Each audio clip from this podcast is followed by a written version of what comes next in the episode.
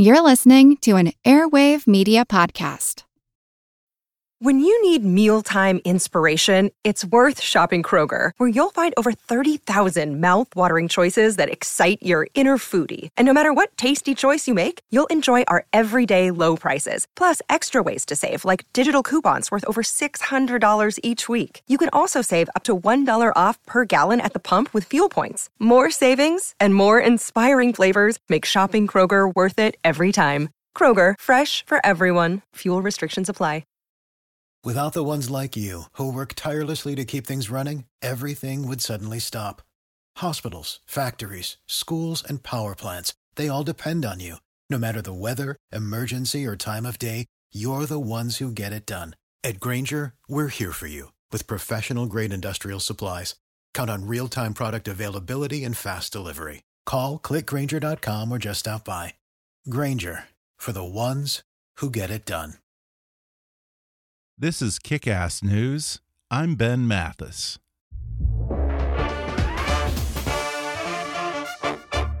Hey, folks, it's Ben Mathis here with just a quick favor to ask. We love having great advertisers support the show, but in order to continue doing that, we need your help. So please go to podsurvey.com/kick and take a quick anonymous survey that'll help us get to know you a little better. That way, we can show advertisers just how enthusiastic our audience is about kick ass news and keep the show free for listeners like you. Even if you've taken our podcast listener survey before, the current one is new and different, and it's really important that we have lots of listener feedback, so I'd really appreciate it if you take a minute to fill out this new one. Plus, as a thank you, once you've completed the survey, you can enter to win a $100 Amazon gift card. Again, that's podsurvey.com slash kick. P-O-D-S-U-R-V-E-Y dot com slash kick. Also, if you haven't already, please subscribe to Kickass News on iTunes. Even if you usually listen to the show on some other app like SoundCloud or Spotify, the most important thing for any podcast like ours is our iTunes rating, which is entirely dependent on our listeners subscribing on iTunes. So just go to iTunes or Apple Podcasts, look up Kickass News, and click subscribe. It's that simple. And if you've already subscribed on iTunes, consider taking a moment to rate and review Kickass News while you're there. Thanks for listening and continuing to support the show. And now, enjoy the podcast. Hi, I'm Ben Mathis, and welcome to Kickass News. You know, folks, I'm a little embarrassed to admit it, but I was just about the last person to get on the Breaking Bad bandwagon. There's no particular reason. I mean, I do kind of get freaked out by movies and TV shows that have a lot of drug use, like Trainspotting or traffic. That stuff just weirds me out a little bit, but it's not even that. I guess what it is, is I just couldn't picture myself relating to a TV show about a high school chemistry teacher turned drug kingpin. It didn't sound like my cup of tea. But when a show literally has everyone you know talking and people as diverse as Rush Limbaugh and Michael Moore, or Warren Buffett and Anthony Hopkins in agreement, and acting like giddy fanboys, it's more than just good television, it's a cultural phenomenon. So finally, a year or two after the final episode of Breaking Bad aired, I decided to watch the first episode. And one episode led to a second one, and then a third and before I knew it, I was staying up way too late, binge watching all five seasons over the course of a week, as addicted to the problems of Walter White as his clients were to his signature blue meth. A huge part of the credit for my loss of sleep that week goes to the man who played Walter White so brilliantly, actor Bryan Cranston. During his five seasons on Breaking Bad, he won six Emmys, including four for Outstanding Lead Actor in a Drama Series, as well as two Golden Globes, three SAG Awards, and two Peabody Awards for the show. Prior to that, Bryan Cranston was no stranger to television audiences, having earned Emmy and Golden Globe nominations for his seven seasons as Hal on the hit comedy series Malcolm in the Middle. Some of his other BBB credits, or before Breaking Bad, include memorable roles in movies like Saving Private Ryan and Little Miss Sunshine, and TV shows like Mighty Morphin Power Rangers, X Files, Babylon 5, How I Met Your Mother, Sabrina the Teenage Witch, the HBO miniseries From Earth to the Moon, and of course his recurring role as the dentist Tim Whatley on Seinfeld. Since the final season of Breaking Bad ended, he's received an Oscar nomination for his starring role as the blacklisted screenwriter Dalton Trumbo, a Tony Award for his portrayal of President Lyndon Johnson in the Broadway play All the Way, as well as two more Emmy nominations when he reprised his role as LBJ in the HBO film of All the Way. He recently took a break to write about his career and his extraordinary life in a memoir titled A Life in Parts. And today, Bryan Cranston joins me on the podcast to talk about his remarkable path and some of the lessons he's learned along the way. He discusses his complicated relationships with his parents and how watching his father struggle in Hollywood made him reluctant to follow in his dad's footsteps. He shares his memories of a two year road trip that changed his life, the epiphany on that journey that inspired him to become an actor, and some of his adventures along the way, including working as a carny and the time he went from restaurant server to murder suspect. He talks about getting a crash course in comedy from Jerry Seinfeld and Larry David, landing the role of a lifetime on Breaking Bad, and how he built one of the most iconic characters in the history of television. Bryan Cranston also gives some sage advice for aspiring actors and reveals the ways his life has changed since he first donned Walter White's famous pork pie hat plus how to properly kill a chicken, the secret to wearing bees, and why he loves making small talk with old people. Coming up with Bryan Cranston in just a moment.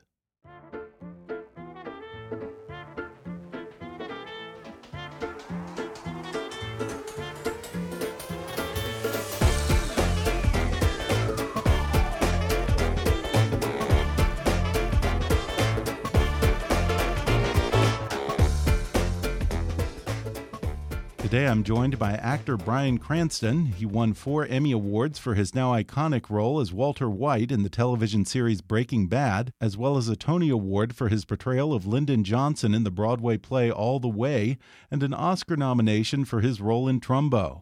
He's written a memoir titled A Life in Parts, which is now available in paperback. Bryan Cranston, thanks for coming on the podcast. It's good to be here. Thanks.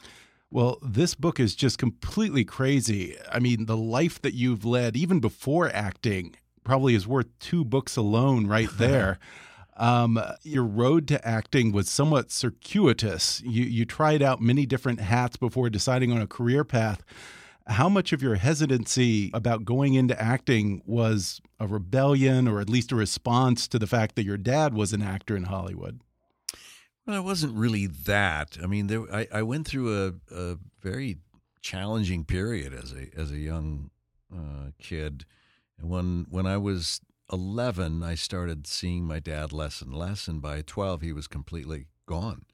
He left the family, and I didn't see him again until I was twenty two. Um, my mother was extremely hurt by that, and kind of went off in her own way, emotionally mm-hmm. detaching drinking a lot. And uh, that really scared me. Is up until that point, I thought, okay, this is this is I, I'm starting to grasp what my life is like, and my parents are here, and they were both very active people, team moms, PTA, coaching. They were always the parents there, hands on. She, my mom, would make my own uh, Halloween costumes and things, so it was very active. And then nothing.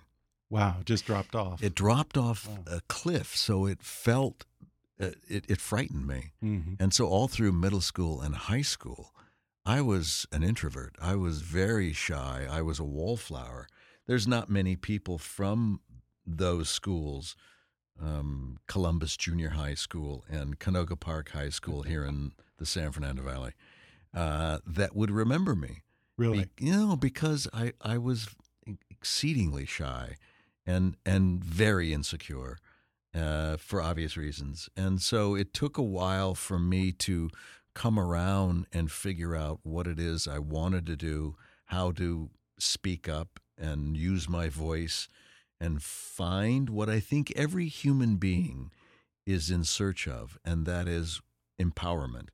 What is the thing, whether it's a profession or avocation or something that that empowers you as a human being? What what is what makes you feel joyous? Like you said, your dad wasn't around, your mom was drinking, and apparently also became sort of a hoarder, right? So you now have this total aversion to any kind of clutter or hoarding, huh? Yeah, it was um, one of the things. My parents were both children during the Depression, so Mm-hmm. they were of the ilk that kept things Oh, yeah. because you never knew if you were going to need it later on. So Mm-hmm. keep everything. So we had stacks and stacks of boxes and things everywhere.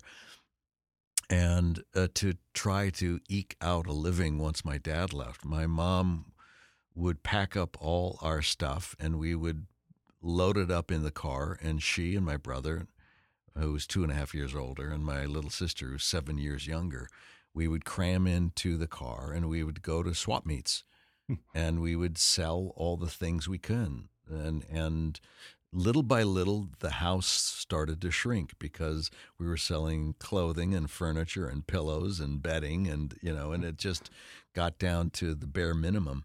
And um, so we were living in in that world for a long time. And my mom would go out and buy other people's junk and then resell that. So we were.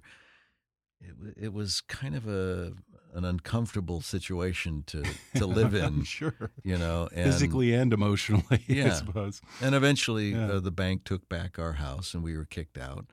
My brother and I, who were, he was 14 and a half, he, we were shipped off to live with our grandparents for a year.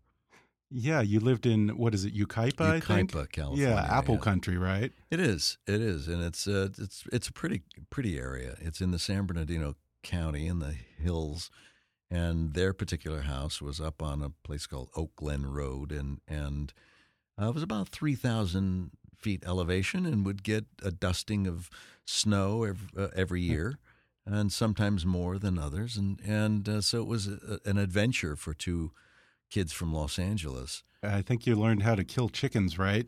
I Among other indeed. things. I know how to kill a chicken, my friend. Do they really run around after you cut their head off? They do. Their their central nervous system is peaked, and uh, as as one would imagine, and uh, yeah, I, I learned the the hard way doing that. But you know, I, I look back on it, and when I was writing the stories in the book, um, I relived those moments, and some of the moments are very uh, um, rewarding, and and I, I look back on them with with uh, uh, loving thoughts, and others are horrifying, and and I'm glad I don't have to live that way anymore. Well, yeah, because I read the original book when it came out, uh, I guess about a year ago. Uh-huh. And then before this interview, I listened to the audio version of it. And I Oh. wonder, when you're recording the audio book, is that particularly emotional when you have to actually read the words and speak it? It wasn't as emotional as it was writing it, Mhm. because when you're actually crafting it to write, um, you must be willing, and, and as an actor, I am willing to dive back into whatever emotion is necessary to tell the story, to live, to relive that moment. And for me, uh, being a novice writer, I didn't think that Bryan Cranston had the ability to just automatically know what to do. So I really felt, well, the only way I know how to approach this is as an actor would.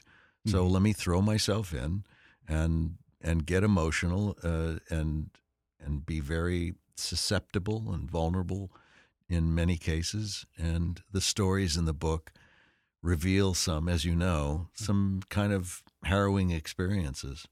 Yeah, I mean, you've had a hell of a life. I mean, yeah, it's interesting because I guess before you even thought about becoming an actor, you were originally studying to go into law enforcement. Is that right? That's right. I think it's a uh, it was a reactionary move to my brother being a part of the LA Police Explorer group. It's a branch of the Boy Scouts. And why he joined that, I don't know. Except maybe he I think he might have in retrospect, he might have been I don't know, attracted to the a, a very powerful male figure, a father figure that that we didn't have in our lives. And um, so he joined this group, and part of the requirements of this is that you had to go to the LAPD Academy and study eight Saturdays in a row, and then you graduate into the Explorer program. And our West Valley division was exceptional. We always had the top ranking because they worked us hard. They really we I'll worked bet. extra I'm hours. sure they no worked us hard. And uh, I followed in my brother's footsteps that way and joined the police explorers as well when I was 16 and and found out that I had an aptitude for it, which I didn't realize before. and so I thought, well, I guess this is what I'm supposed to do. I'm supposed to become a policeman. So, okay. And during that time, you were doing side jobs as a security guy at I think grocery stores or something, or pharmacies, something like yeah, that. I was one of those guys in the two way mirror in a grocery store. when you look up and you see that mirror Yeah. and you wonder, and I wonder if there's anybody in there actually looking down at me. It's that was Cranston. me. And I would answer, I would talk to people too while I was up looking through that mirror. And people would look up at, at the mirror and I go, hello. but it was easy it, to catch uh, thieves. It well, they was, were probably the ones looking at the mirror. Yeah. Who else looks it, at the, it's the mirror? It's the, it's it was it was like Right. plucking candy from a baby. It really Yeah, was because really. when people go to shop, they shop. They're not looking around. Yeah, But if someone's going to steal something, they look over their shoulder and they look the other way to see if anybody's looking, and then I it's it it's furtive and I, it catches my attention. Uh, people stole the most odd objects. Really? I, uh, just Like what? incredible. Like um, a half a dozen dog leashes, um, light bulbs.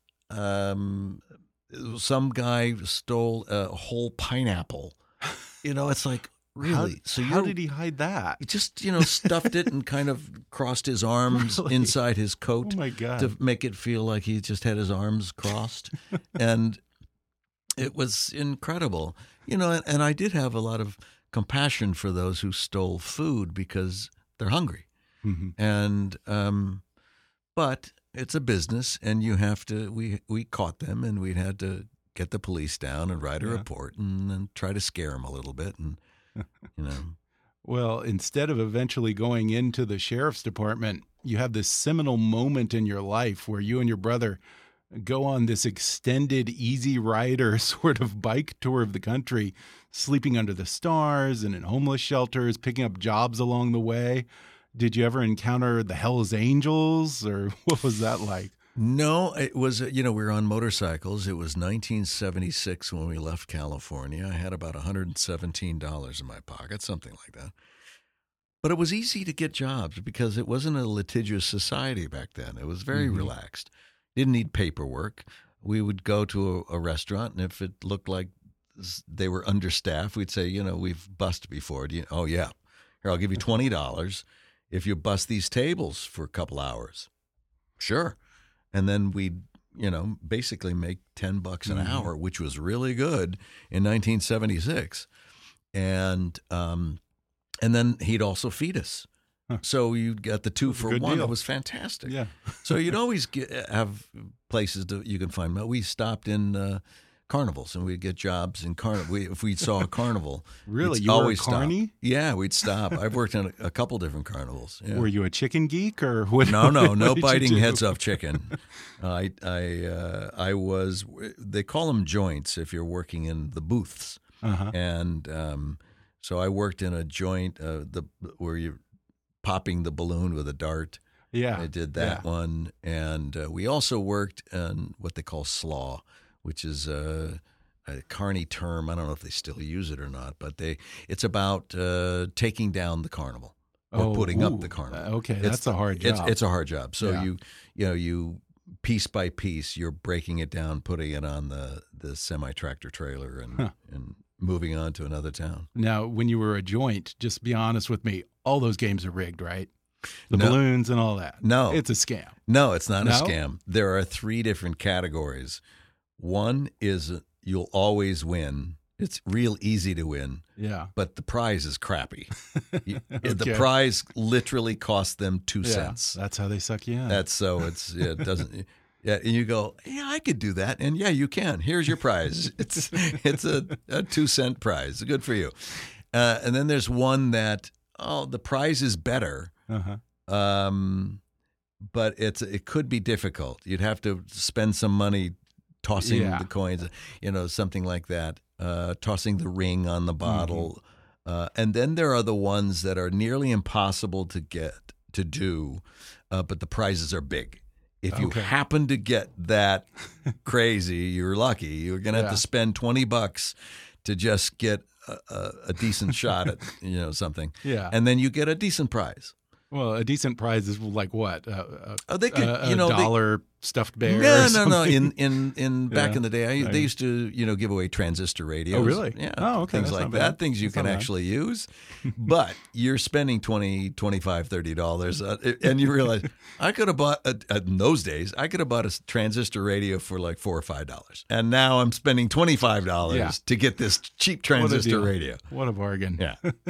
well, you had some harrowing moments throughout this trip with your brother across the country. Um, at one point, apparently, you were even a murder suspect. What was that about? Well, in the winter of 76, we got jobs in Daytona Beach, Florida. Um, and uh, we worked at a Hawaiian Inn we worked at a Polynesian restaurant and lots of fun, good friends there. Um, but the the the head chef was a guy named Peter Wong, and Peter was a miserable sob. he was just a horrible, horrible person. And so everybody would talk about how we would do away and kill Peter Wong. You know, he'd chop him up in his Moo Goo Gai Peter, and uh, in his cook him in his wok and serve him on some. I mean, he was just he was just horrible. He hated every guy, loved the girls, Yeah. and so we had every waiter had a female partner to work with.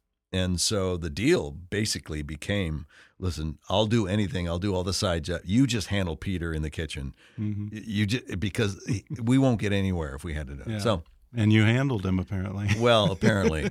so he was a, a kind of a braggadocio kind of guy, a little man with a with a big swagger, and he used to carry a wad of money with him, and they used to play dice in the back in the kitchen and things like that. And he'd smoke and he'd th- that throw down the money. Well, apparently, um, someone lured him away from uh, the dog track one night and uh, clubbed him and put him in the back of a car. Upon which, where he died. This is right at the end of the season, the tourist season. My brother and I had finished. We put in our notice. It was the end of the job. We got on our motorcycles and took off again. Oh, no sooner suspicious timing. Yes, exactly right. no sooner did we leave than the police came into the Hawaiian Inn where we worked and said, uh, "Anybody here talk about hurting or killing Peter Wong?" I'm like, "Yeah, we kind of all did." You know, anybody who's not here anymore who talked about? it? Well, the Cranston boys, where are they? They're on their motorcycles. They left about a week ago. Interesting. Apparently, now my cousin told us that we there was an APB put out for our arrest or at least questioning to to this murder. Um, but in the interim, they they discovered fingerprints and they realized they they found a suspect and it was some hooker who had some Really? other guy waiting. Yeah, it was crazy. so, but Okay. but but yeah, it's it was So it, we we didn't know we were murder suspects. That's the Oh, thing. you didn't realize No, we didn't fact. realize. We had, we had taken off. We were like, no, no, we didn't know. Okay, so it was a hooker. You did. You didn't suddenly go Walter White or something. On That's the guy. story I'm sticking with. Okay, I'm, smart. I'm going to say it's Smart. a hooker. Yeah. Well, you know, as I mentioned, this was really, I think, a seminal moment in your life. This road trip. Um, what did you discover about yourself on that road trip? I think I had to leave California because I knew I wasn't going to be a police officer, and I thought I I, I like this acting, but Mm-hmm. I really have to get serious about this. Do I think I could really make it? Can I be good at this? I don't know. And I, instead of continuing on with two more years of college, I, f- I finished the two years I was at, ju- at a junior college, and then thought I think I need to get away and just l- think about this a second, Mhm. you know. And so that's what I did. And my brother was kind of in the same situation. So we took off, and we were gone for two years. And in the in those two years, uh, I had an epiphany. I had a moment of absolute clarity that uh, I was at a a rest stop in the Blue Ridge Parkway of Virginia, beautiful area, it was pouring rain, and if you're on a motorcycle, it can be dangerous. Yeah. And this is before, way before GPS, so we didn't know how close we were to the next town. Could have been 50 miles, could have been five miles. Oh, yeah. We're not sure. so we stopped at a picnic place, and there was a slab of concrete, four posts, a roof, and a picnic table. And that was it. And um, there we stayed for six nights because it never stopped raining. Wow. And it almost felt like you were incarcerated because you really couldn't leave Yeah. safely. Yeah, what are you gonna So in that time, I, I was reading a, a book of plays, and it was wonderful how it took me away and and it passed the time, and I was able to to imagine what the set would be like or what the story would be like, and and I had this epiphany that this really helped me pass the time incredibly well. I think I should try this. I'm going to try, and this is the, the credo that I developed and lived by. I'm going to try to attempt something that I love and hopefully become good at, as opposed to doing something I was good at but not in love with. And how long was it between that epiphany that you had and your first big break as an actor once you committed to doing that? Um, that was I was about 21 years old when that happened, and I had another half a year or so of trying to make some money in, in warm Florida, and then took off in the summer of 78 and took our time coming back. And so I was about 23 when I got my uh, Screen Actors Guild card and started working. But I was 25 when I started working regularly. And ever since I was 25, I haven't done anything but act in, in my life. I'm 61 now. So you achieved that dream of being able to support yourself Yeah. as an actor. Yeah, that was my That's cool. to this day that is my my proudest professional accomplishment. We're going to take a quick break, and then I'll be back with more with actor Bryan Cranston when we come back in just a moment.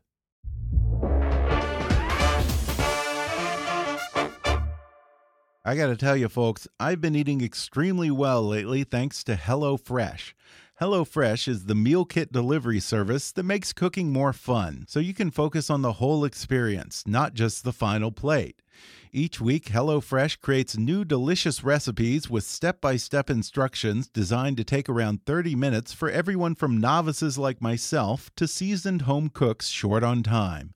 They source the freshest ingredients delivered right to your doorstep in a recyclable insulated box for free, and they measure everything to the exact quantities needed, so there's no food waste.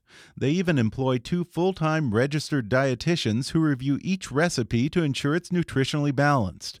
HelloFresh is now offering light fall meals, and they've just introduced breakfast options, all for less than $10 a meal. I've been making these delicious meals from HelloFresh for several months now, and I'm so excited about it that I even ordered HelloFresh for my parents. They're empty nesters now, and my poor mom doesn't need to cook for an army anymore and deal with a big kitchen mess. So the quick and easy recipes from HelloFresh with their pre portioned ingredients work perfectly for them. And if you're a family who likes to cook together, it's a great bonding experience, something you can do together with your spouse or your kids. Or even if you're a total amateur in the kitchen like me, you don't have to live on takeout or fast food. You can prepare delicious restaurant quality meals in no time. This week, we made HelloFresh's buttered up steak with roasted potatoes and garlicky green beans. The sirloin steak was really good quality, the kind that you would get from a family butcher you really trust. Tender, not too fatty, had great flavor. The green beans and potatoes were fresh and tasty, and it actually took us less than 30 minutes with no hassle and very little cleanup. So give HelloFresh a try, and you're going to be glad that you did. In fact, you can even get $30 off your first week of deliveries by visiting HelloFresh.com and entering Kick30 when you subscribe. That's HelloFresh.com and promo code KICK30 for $30 off your first week. Now, just to give you a sampling of the kind of meals HelloFresh offers, some of their upcoming menus include spiced Dijon salmon with apple arugula salad and couscous. Or how about honey glazed pork tenderloin with sweet potatoes and green beans? I can't wait for that one. And if you want to get in on those great meals too, go to HelloFresh.com and enter our special promo code KICK30 when you subscribe to get $30 off your first week of deliveries. One more time, that's HelloFresh.com and KICK30 at checkout for $30 off your first week. Delicious ingredients you'll love to eat, simple recipes you'll live to cook. HelloFresh, get cooking. And now, back to the podcast. One of my favorite moments of yours, I'm a big Seinfeld fan, and you played, of course, the dentist Tim Whatley. How did you land that role? Just through a regular audition. Mm -hmm. I happened to do something. Jerry was in the audition for the callback, and and I made him laugh. And boy, that's that's Yeah. that's it. When you can make Jerry laugh, that was fantastic. And so, you know, being on the set of Seinfeld um, was like going to comedy boot camp. Oh, I'll bet. With Larry, David, David and Jerry are geniuses, and and I got to tell you, uh, Jason Alexander, Julia, and Michael, Mhm. they're just phenomenally talented people, and and I was able to be on the set um, and watch them. I would watch them do every other scene, the scenes that I wasn't in, as well as, of course, when I was. But um, it was a great learning experience for me and a great confidence booster and um, so much fun. And in fact, uh, comes full circle now. I I, I did a, a, an episode of Curb Your Enthusiasm that'll start airing in Really? October. Oh, in the new uh, season. Wow. Yeah, with the new season. oh, that's awesome. So I was I was really pleased, and and and I've told Larry that, and I've told Jerry that. I said, Mhm. you guys helped shape me because it it is probably the the most classically designed and constructed and effective comedy ever. Yeah, I think that somewhere I heard that you said that uh, Larry David doesn't necessarily laugh, but he recognizes comedy when he Yes, sees it. Yeah, he doesn't often laugh, but he he he can identify uh, what when something really works. Yeah. or when it doesn't. Uh, Larry and Jerry and, and other comedians they've they've heard Mhm. everything and they can feel they can feel if someone's trying to make them laugh and that's usually when you don't laugh. Yeah. Um, but so when someone's naturally funny or or is able to have a sense of ease about themselves, and that's something that that I've had to learn is to relax into it so that the comedy can come out naturally as opposed to trying to conjure something or force something out. Yeah. It's it you're watching, you know, genius happen and Yeah. and you see Jerry do the same thing, how he Uh-huh. can craft a joke or if it's not working, realize uh, that maybe the structure was off Mhm. and he'll backpedal and then real you know reconstruct it and go oh i know what I, I forgot this connective piece and this has to go in there and now it works and it's like Yeah. wow it's like building a, a skyscraper you know they it- you they have Yeah. their own blueprints in their heads and they're referring back to it and they have such a, a you know a, wealth of history behind their work as comedians Another great comedy, of course, Malcolm in the Middle. Probably my favorite scene is the bee suit or the bee Mm. Oh, scene. yeah. You're covered in bees. I always assumed that that was a CGI effect, but you were really covered in bees? yeah it's like 75,000 bees Jesus. They keep telling me there's different amounts. I don't know how many. I'd forgotten how many, but I was completely covered. There was probably two to three inches of bees on me, uh, thick, and and it was the the process in which they, you know, the beekeeper was able to do that was fascinating to me, and I was surprised at how relaxed I was wearing a suit of bees. um, and I got stung twice. Yeah. But I realized something very important in life that when you're wearing bees, you shouldn't be surprised if you get stung by a bee. and the other thing is, a bee sting really isn't that painful at all. Really? It's, no, it's just it's a little prick. What's painful to us is the surprise. yeah. Ah, Yeah. ah, you know, Okay. because you didn't expect it. Okay. But I'm It's all in your wearing bees, so when when when I got stung, it was like, oh, I got, and and bees are wonderful creatures. Yeah. They will, And they're dying. yeah, apparently. you got to protect them. Yeah. Um, if the bees go, we go. Yeah, that's what everyone says. It is true. And there's no pollination going on, and if without pollination, we can't survive. Yeah, I have to say that you're the first person that I've ever heard say the phrase "wearing bees." Wearing bees. That's a new one for me. Where was wearing bees? Well, after Malcolm in the Middle, I'm assuming that you were probably getting a lot of offers for similar dad roles, and then the script for Breaking Bad landed in your lap. What did you think when you first read that first script? Oh, that's brilliant. You know, Vince Gilligan crafted a best drama pilot I've ever read. Mm -hmm. and um, it's it was just I only knew that he wanted to take a character from good to bad mm -hmm. in that general sense. Um, as he fondly put it, I want to turn a, a character from Mr. Chips to Scarface, and uh, it's like okay, um, that sounded fascinating to me. I said, "You think it'll work?" He goes, "I have no idea." You know, he's from Virginia. He's a sweet Yeah. sounding man, and I have no idea. I don't even know if they'll let me try. You know, well, well, let's try it. Heck, what that must heck? have given you a lot of confidence as an actor. No, but you know that's that's one thing that I I realized um, about twenty three four years ago. To let go, Mm -hmm. only pursue things that you that resonate within you, Mm -hmm. that mean something to you, that have um, an artistic integrity in the writing, Mm -hmm. and pursue that. If you can identify well written material and go after that, I have yet to see it fail. It fail me. Now, the project, if it's a movie, it may not be a box office hit. It may not, it, it may be a play that closes early. Who knows? But personally, and I have a, a high standard to meet uh, that I placed for myself, it's personally much more satisfying. Hmm. Much more satisfying. I mean, I have to assume that there was a lot of pressure on you guys as well because that was when AMC was still pretty new to original content, and I think that that was the first show after Mad Men It is. that they tried out.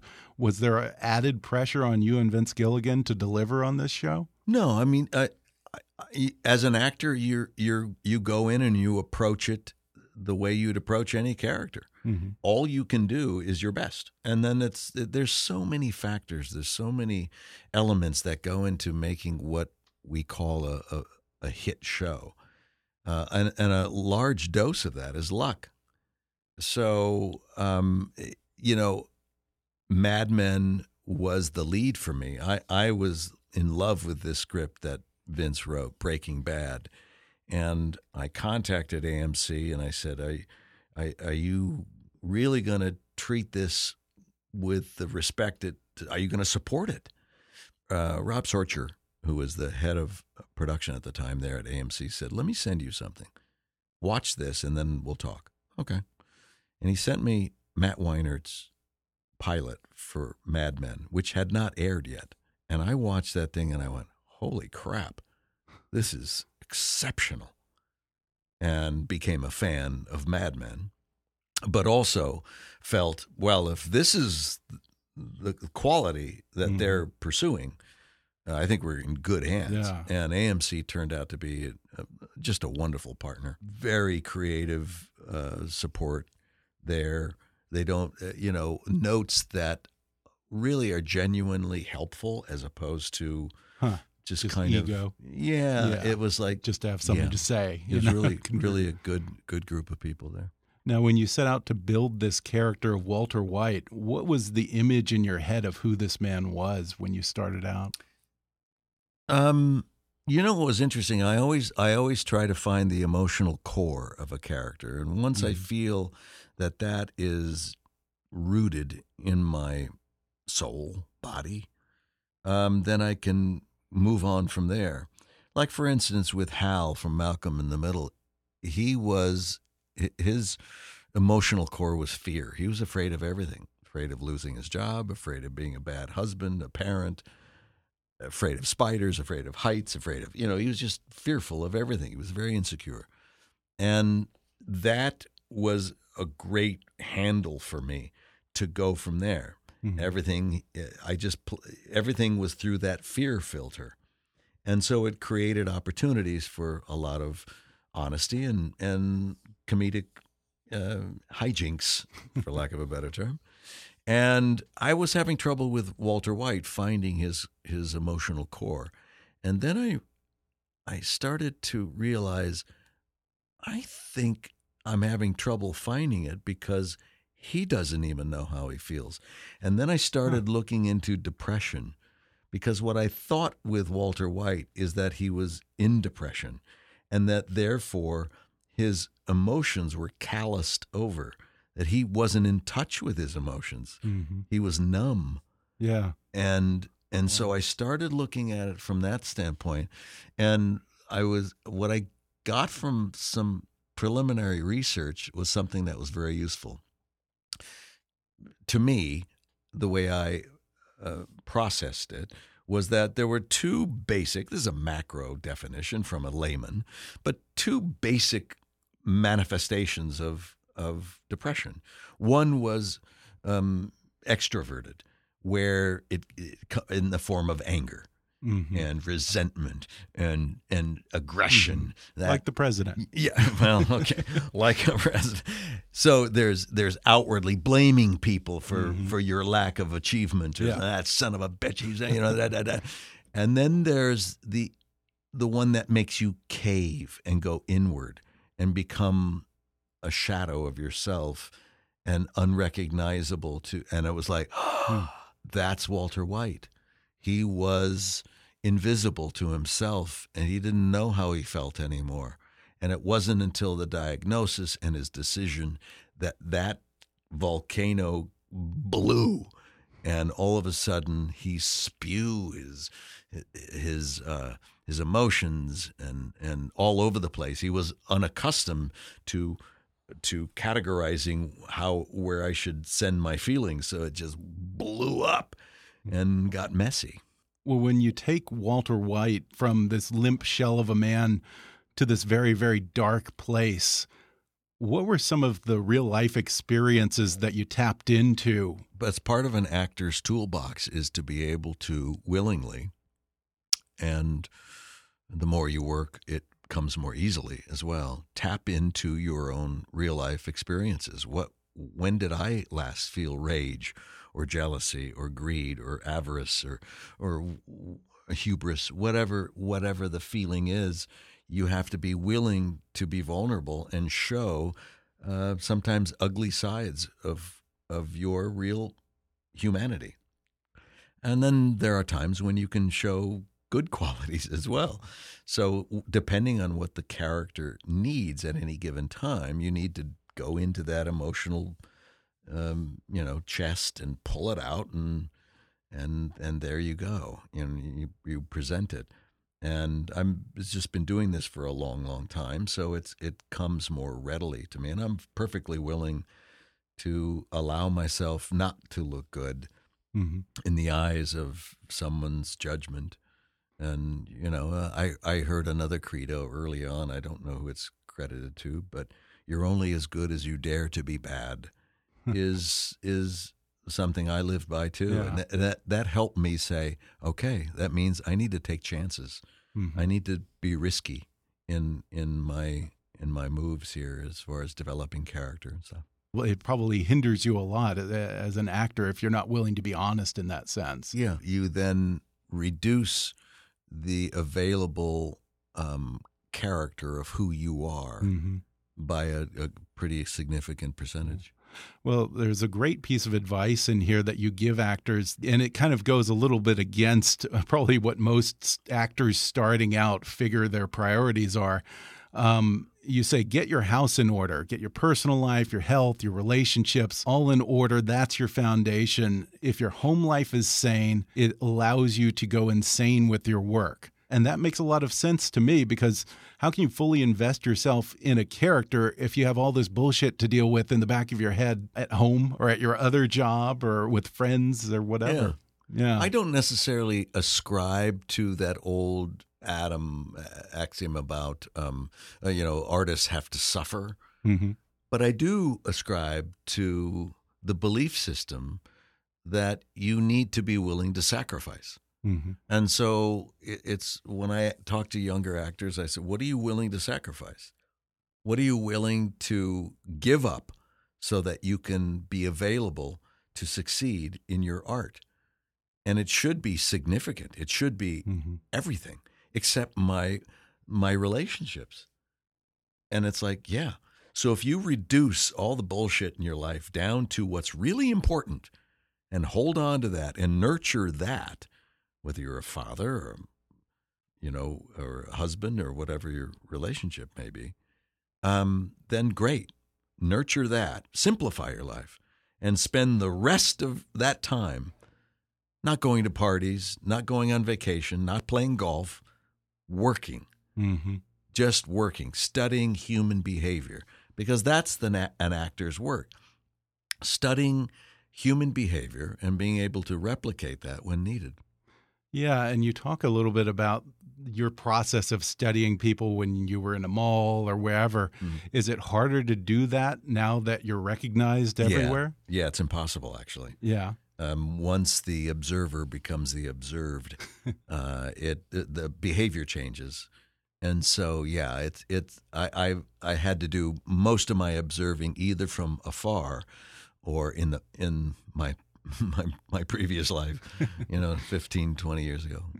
Yeah, you do talk about fame and knowing the exits to every room when you go into a restaurant, or your wife sort of feeling like a plus one whenever you go to an event. Or I'm sure you get people coming up to you for a selfie and they ask her to hold the camera. Right. Then they, they treat your, your poor wife as a non person, really. Yes, but I, I, I think it has to be put in perspective. Um, no one should feel sorry for Bryan Cranston. Uh, they really shouldn't. I mean, my life is is exceptional. I mean, it, the way I've been very lucky. I've worked hard, but uh, um, health and, and safety and and and uh, a success in in the thing I really love to do. Um, so, with that prefaced, saying that you know it comes with the territory. I never I never had those daydreams about becoming famous. I just wanted to be a working actor. I wanted to make my living as an actor. And once I achieved that, everything else was gravy to me. So when everything exploded during and after Breaking Bad, I was not really accustomed to how to how to behave, Mhm. how to how to treat and how do I reconcile celebrity and fame. It's an odd thing. You can't train for it. You, you just don't know what it's like. Yeah. Um, so uh, fortunately, I had some some m- mentors in that. Um, Tom Hanks is a as a friend and a and a just a not just a brilliant actor, but a really lovely man, really good person. And I watched over the last thirty years how he handled himself, in and his decorum and and and how he was in public, um, and there's a, a, a polite cord, cordiality and and um, gregariousness, and yet he protects himself, and he must. And I learned that from him how he is able to keep himself, you know, intact, and yet still greet uh, public in in a warm way, and and he does it really brilliantly. He knows how to do, and I, I just kind of learned from him and, and how to behave, and it's and it's worked. It's worked well. But that being said, I I I crave. Um, sometimes I, I really crave anonymity. I'd, I'd love to be able to be someplace and not be recognized. Um, it's it's an odd thing. It's as if, if I can give it an analogy, just imagine if you've ever had a surprise party thrown for you. If you've ever had a surprise party Yeah. thrown for you, just imagine you're that person who's thrust in the middle yeah. and all this attention is blasting toward you. That's what it's like Yeah. Every day. Every day. Wow. So you have to navigate through that kind of attention. Mm-hmm. And yes, it's lovely when people are saying nice things about your work and they uh, uh, that's it is great. And yet it takes up a lot of energy to deal with all that. And sometimes you just don't want to be the center of attention. You Yeah. just don't. Yeah, I can't even imagine.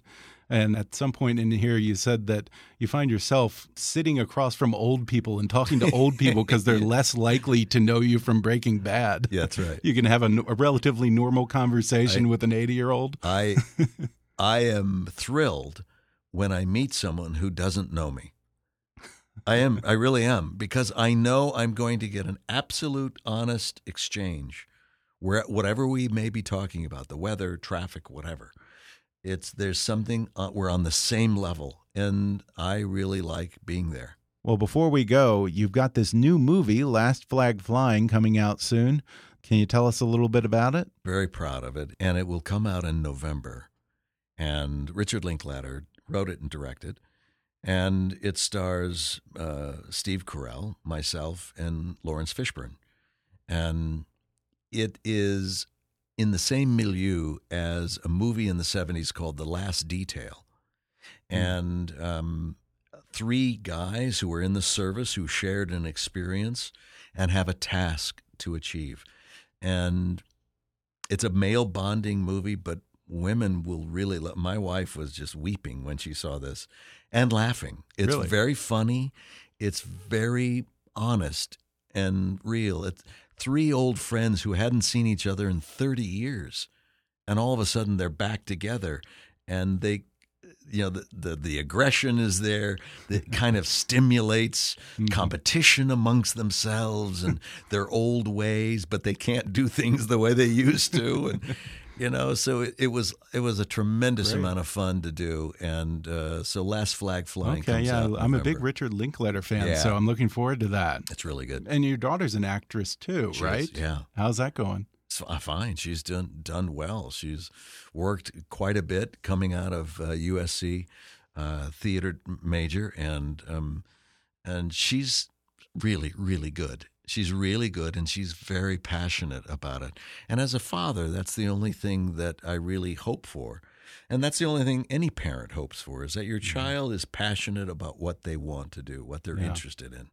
Well, it sounds like you might have the makings of an acting dynasty like the Barrymores one day.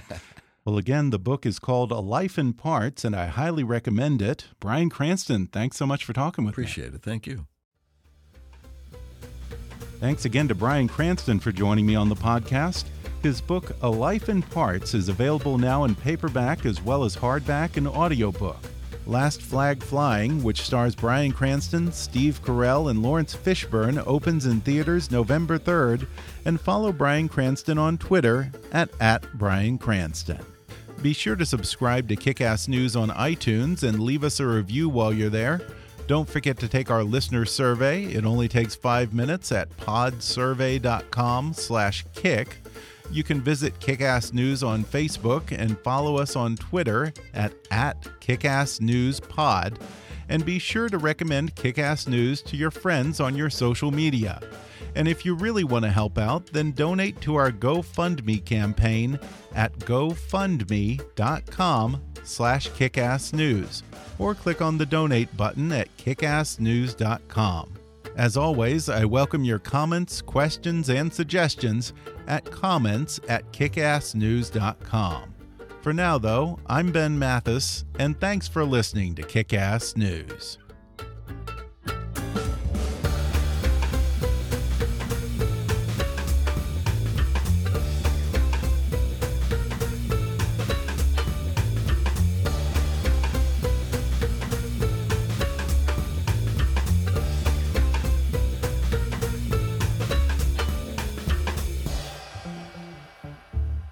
Kickass News is a trademark of Mathis Entertainment, Inc.